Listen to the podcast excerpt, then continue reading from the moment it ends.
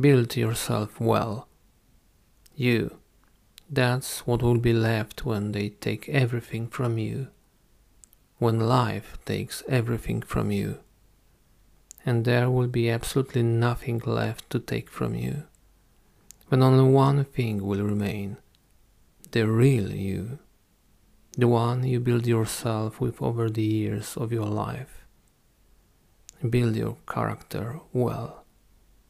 Carmel Cafe in Gliwice, the 30th April 2022.